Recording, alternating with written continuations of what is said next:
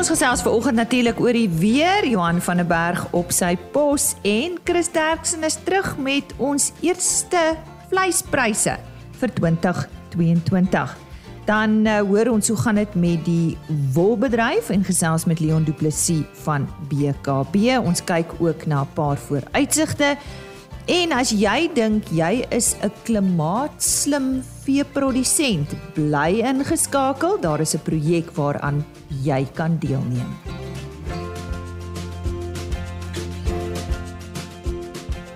Dis alles op RC Landbou vir oggend saam met my Lise Roberts en jy is hartlik welkom. So seltyd op 'n donderdagoggend, uh, gesels ons met Johan van der Berg oor die weervooruitsigte. Ons hoor van baie warm toestande, ons hoor van haal, ons hoor van steeds baie reën en nat toestande. Johan, goeiemôre. Eers terugvoer van jou kant af voor ons bietjie vooruit kyk. Môre Lisie, ja. Um, ons sit maar met met baie uiterstes hierdie seisoen, hoofsaaklik as gevolg van die La Nina verskynsel. Maar uh, ja, ek dink die die die somer het uiteindelik in die Wes-Kaap gearriveer. Uh bietjie laat, maar ons sien temperature is baie hoog. Uh praat van tot 40 grade sekere gedeeltes en dit lyk ook asof dit gaan aanhou tot hier ten minste hier die 324ste. Dalk 'n bietjie koeler maar nog steeds warm. So min reën vir die Weskaap, uh maar baie warm toestande. Dan in die somerreënvalgebied uh het hier oor die naweek tussen 30 en 50 60 mm reën geval oor gedeeltes van die Noord-Kaap. Uh die druiweboere uh in die Noord-Kaap het redelik groot skades gekry of gaan skades kry met siektes en korrels wat oopbars. Uh dit is nou 'n redelike uh, oestyd vir druiwe in daardie gedeeltes.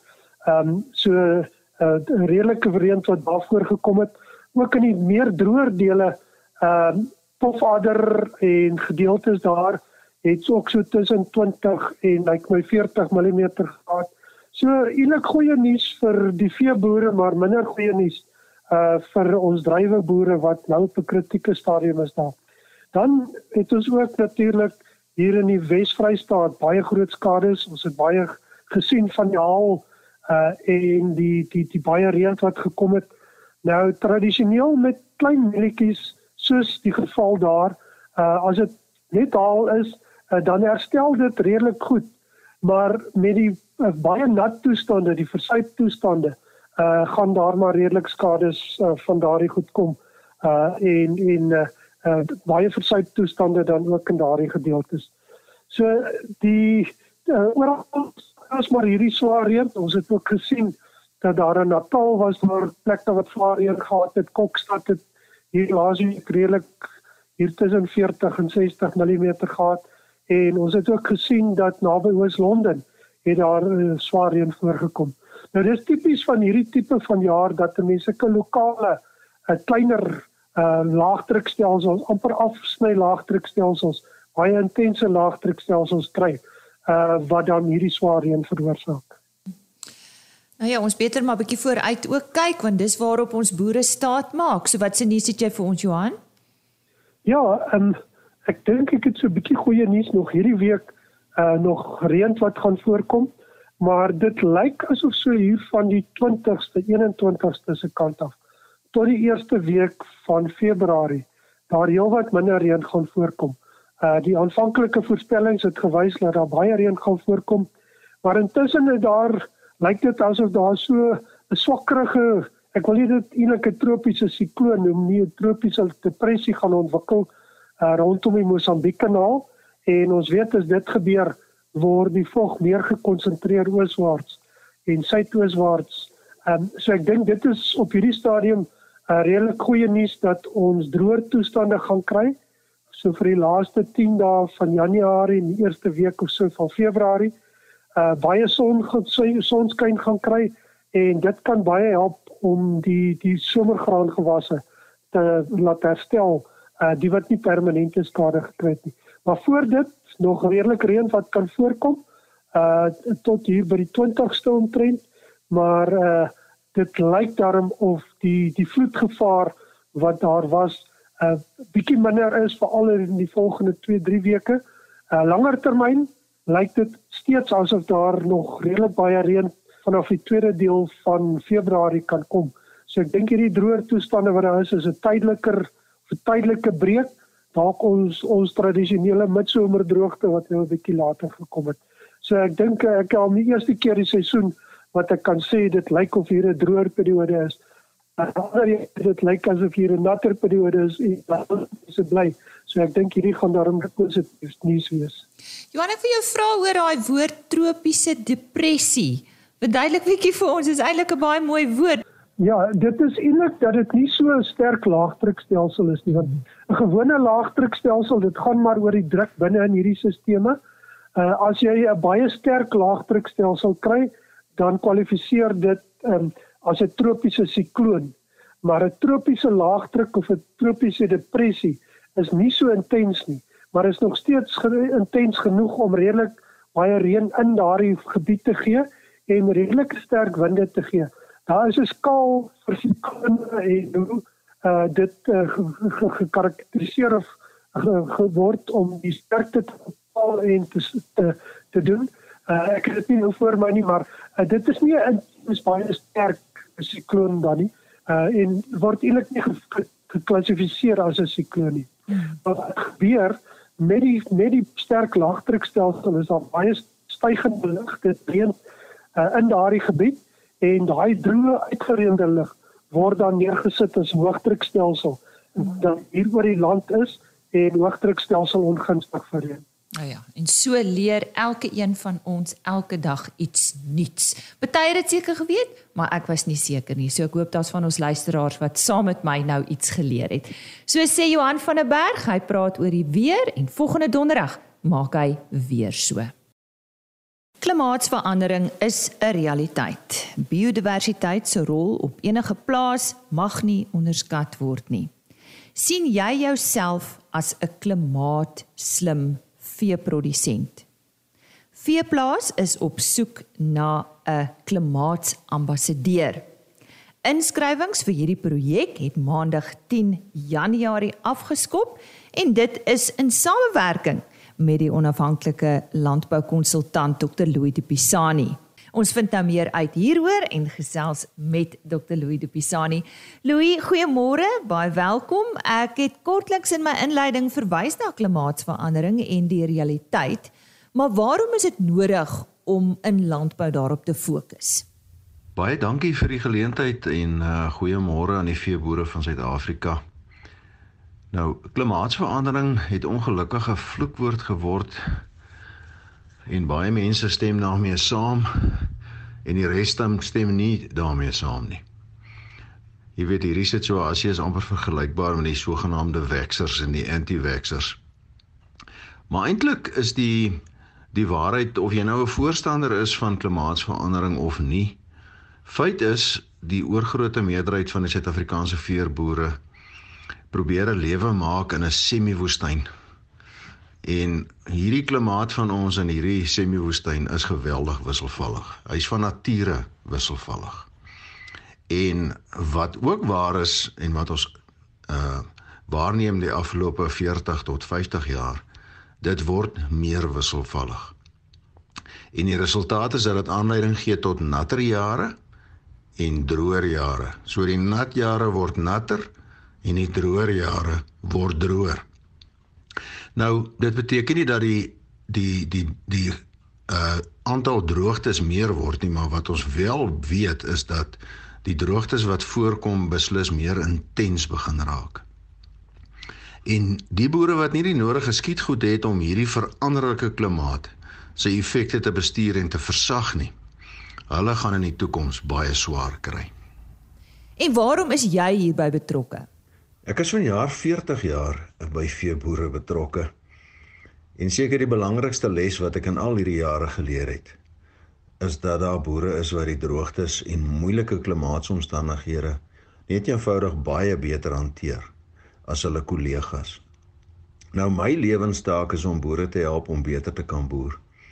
En ek wil al hierdie praktyke en strategieë wat die meer suksesvolle boere oor tyd ontwikkel het, om die klimaat beter te hanteer wil ek met die res van die veeboere in Suid-Afrika deel. Nou goed, hoe werk hierdie kan ons dit kompetisie noem? Kom ons begin. Wie mag inskryf? Dis nie werklike kompetisie in die ware sin van die woord nie. Uh dis eerder 'n projek, maar by gebrek aan 'n beter woord gebruik ons maar die woord kompetisie. Nou in wese is ons op soek na veeboere wat oor die jare praktyke en strategieë ontwikkel het om beter saam met die wisselvallige klimaat te kan boer. En die uiteindelike wenner sal bekend staan as 'n sogenaamde klimaatslim ambassadeur. En hierdie persoon sal 'n baie groot rol speel in die hele proses om die Suid-Afrikaanse veeboere te wis, bewus te maak van hoe om beter saam met die klimaat te boer en nie voortdurend daarmee te stoei nie. Wat is kortliks die kriteria, Louis? Die kriteria wat beoordeel geword sluit in die deelnemer se veldbestuursvermoë, sy kudde en telingsbestuur, uh hoe hy sy hulpbronne verbeter wat insluit kaalkolle, uh erosie, beide wind en watererosie en dan die beheer van indringer en verdigter bosse Die volgende ene wat beoordeel sal word is sy droogte gereedheid en sy droogte bestuurstrategieë. Uh en dan tweede laaste sy finansiële bestuursvermoë en dan heel laaste sy algemene kennis van ons klimaat en sy veranderlikheid. Nou boere wat wil deelneem, kan 'n baie maklike vraelys aanlyn invul wat op Plaas Media se webwerf beskikbaar sal wees. Uh die hoogtepunt van die kompetisie is 'n baie groot boeredag wat op die wenner se plaas aangebied sal word in Oktober 2022. Jy gaan ook 'n reeks artikels skryf wat hierop fokus? Dis heeltemal reg, ek gaan 'n reeks van 5 artikels skryf en die fokus gaan wees op hoe om 'n wisselvallige klimaat beter te kan bestuur. Die eerste artikel sal oorhoofs handel oor die belangrikheid om elke druppel reënwater op die plaas te laat tel. En daarna volg vier artikels wat sal handel onder andere oor veldbestuur wat toegepas kan word om ons temperamentele klimaat te kan temper, uh radikale veld en grondverbetering en die herstel van historiese skade aan die hulpbronne Die vierde artikel in die reeks sal wees vee wat veld doeltreffend in veeproduksie kan omskakel en dan die laaste artikel sal handel oor hoe om die angel uit droogtes te haal. En nou meer besonderhede oor hierdie projek. Dit staan bekend as die Veeplaas Klimaatslim Ambassadeur. Veeplaas Climate Smart Ambassador. Daar is 'n vraelys op die Agri Orbit webtuiste wat ingevul moet word. Dit is www.agriorbit.com en onthou om te soek vir die 2022 veeplaas Climate Smart Ambassador of Klimaat Slim Ambassadeur. Vir meer inligting stuur gerus 'n e-pos aan deedrey@ by plaasmedia.co.za. Daar is ook uh kontakbesonderhede op die Agri Orbit webtuiste. Ek herhaal Deedrey Lou se e-posadres: deedrey@plaasmedia.co.za. So as jy dink jy is 'n klimaatslim veeprodusent, voltooi gerus daardie vorm.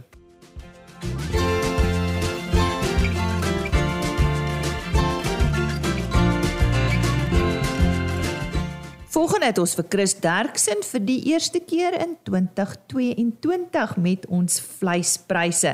Nou hierdie pryse is behaal by veilinge in die Noord-Vrystaat. Môre Chris en 'n geseënde 2022 vir jou. Goeiemôre al ons medeboere en Lisa veral dankie vir jou tyd wat jy vir ons gee. Dit is die volgende is belangrik. Die eerste probleem is die reën is absoluut ongelooflik in die Noord-Vrystaat. Ek meen om sommer 140 mm weer te hê na al die reën van Sondag af is nie speletjies nie. En soos ons weet, 'n mofskaap mos nie eintlik 'n geelvis nie. Maar die ander ding wat uit gaan vloei is ons kan aanvaar ons gaan vee siektes hê wat ons in jare nie gehad het nie. Allerhande snaakse goed so slenkdalkoors en so aan sal kop uitsteek wat 'n groot probleem sal wees veral nou dat onderste poort se medisyne vervaardiging onder druk is kan ons regtig probleme verwag vorentoe. Maar ek gee vir julle die presiese pryse. Speenkalvers onder 200 kg het gegaan vir R43.88 van 200 tot 250 kg R41.44 en oor 250 kg R40 presies. A klasse was R31.90, B klasse R26.70, C klasse was vetkoeie was die mooi prys van R25.89 en markkoeie het gewissel van R19 na R23. Slagbulle was die mooi prys van R26.50 en dan van die skaapmark stoorlammetjies R43.77 slaglammers R39.69 stoorskape R33.35 en vetskape R32.15 en die bokke was lammetjies die mooi prys van R60.30 en ooe het gegaan vir R42 presies.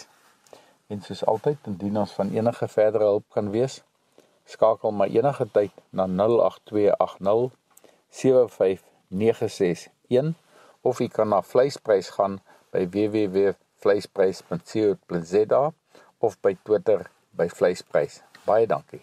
Die stem daarvan Chris Derksen en hy het berig oor hierdie week se vleispryse wat behaal is by veilinge in die Noord-Vrystaat. Nou ja, ons het hierdie jaar al oor verskeie bedrywe in in die landbousektor gesels oor vooruitsigte, maar nog nie oor die wolbedryf nie. Wat is die vooruitsigte vir die wolbedryf in 2022 wat die markte en produksie betref? Dis waaroor ons vandag met Leon Du Plessis gesels. Hy is 'n wolafslaer by BKB. Ja, môre uh, Leon, vertel vir ons. Môre Lise en ja, nee baie dankie vir die geleentheid dat ek met julle luisteraars kan gesels. Lise, ek dink wat markte aanbetref, ons markte is definitief besig om te stabiliseer na ons aanvanklike COVID terugslag en dit wil vir my voorkom of ons moontlike stygende tendens kan verwag vir 2022. Ehm uh, maar onsekerheid rakende COVID en wêreldhandeltendense gaan egter bly om groot druk op die wolbedryf en op die op die groei van die mark te te, te plaas. Ehm um, en wat moontlik kan kan tot gevolg hê dat die mark dalk 'n bietjie stadiger sal kan groei as wat ons voorhoop. En wat dink op hierdie stadium een van die groot rolspelers gaan hierdie ongelooflike volatiliteit wat ons in die rand dollar wisselkoers het. Ehm uh, dit dit gaan een van die groot rolspelers wees. En uh, want op hierdie stadium fluktueer die wisselkoers op 'n daaglikse basis tussen R15.50 en R16 en en dit maak 'n wesenlike 2 tot 3% verskil wat die wolmark ook al nou vandag kan doen. En dan gaan dit 'n bietjie afhang op die dag van die veiling waar ons lê of ons op die R15.50 en op die 16 of op die R16 vlakke lê.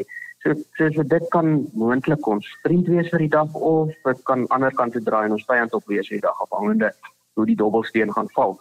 Ehm um, so so op hierdie stadium voorsien ek wisselkoers, die volatiliteit in die wisselkoers is een van ons groot ehm um, groot rolspelers. Dan wat produksie aanbetref, sal produksie seker ook styg na mate die veldtoestande begin verbeter na die goeie reën wat ons in dele van ons produksieareas geval het. En uh, ek dink veegetalle sal steeds vir 'n rukkie onder druk bly aangesien baie van ons produsente nou in 'n herstelfase gaan inbeweeg. Uh, maar dan seker na mate die veegetalle herstel en ons weer na normale ehm uh, boerderypraktyke en normale getalle toe kan beweeg, behoort dit tog produksie 'n groot opstoot te gee. So ja, dis dis omtrent wat ek dink van van ons markte en produksie vir 2022. Verwag julle dieselfde prysvlakke in die komende jaar Leon en en dalk miskien waarom jy so sê? Liewe nee, ek dink uh, prysvlakke behoort 'n bietjie te verhoog in in in, in die komende jaar. Ons het gedurende waar waar, waar COVID ons seker nou op sy piek was en waar waar lockdowns nou uh, taamlik wêreldwyd op sy piek was het ons werklik op lae vlakke het ons het ons het ons handel gedryf. Uh so ek dink daar's 'n ongelooflike spasie vir verbetering en prys prysvlakke behoort te verhoog na mate en inentings meer algemeen raak en ons seker wêreldwyd op ons kudde immuniteit kudde immuniteitsvlakke begin bereik En en en dan seker die belangrikste ding sodra verbruikers meer gemaklik begin begin raak om terug te keer winkels toe en en om die produkte om die wolprodukte om om dit fisies te begin koop in die winkels. Hmm. Uh, dit nou alles gesê mits daar geen ernstige uh, lockdown gevalle weer in Europa, Amerika of China is nie. So ek dink die kort van die lank as ons kan op normale omstandighede kan handel dryf, uh behoort ons in 22 eintlik na na taamlik aanvaarbare vlakke toe te te, te begin beweeg, ek glo so. Nou goed, kom ons gesels met ons produsente. Wat kan boere doen om seker te maak hulle produseer wat die markte vra? Lisa, ek dink op hierdie stadium ehm um, is gesertifiseerde volhoubare praktyke, dis 'n nuwe buzzword en as ons uh, as ons gesels met uh, met ons eindverbruikers en met die hele produksieketting dan dan is dit maar die rigting waarna almal beweeg. So ek dink op en en 'n 'n nuwe ding wat taamlik beginne ehm um, op die voorgrond kom is herlewingslandbou wat wat wat 'n baie belangrike faktor beginne word. So ek dink wat ons wat ons kliënte kan doen is ehm uh, deur volhoubaar te wees binne die wolbedryf en deur hulle eie volhoubaarheid te verseker, moet hulle maar net begin betrokke raak by die RDS en die RMS skemas wat nou reeds beskikbaar is. So so so ja, ek ek, ek kan ons kliënte sterk aanmoedig raak betrokke by daai skemas hmm. en en op daai manier uh, verseker jou eie jou eie volhoubaarheid binne die wolbedryf. Ja nee, ons praat gereeld oor daardie uh, aspek waarna jy nou verwys het op RSG Landbou. Ek dink in 'n vorige gesprek met Dr Kobus Oberholzer van BKB is die naspeurbaarheid van wol raak al hoe belangriker. Is daar enige nuwe verwikkelinge in die bedryf veral van julle maatskappy van BKB se kant af?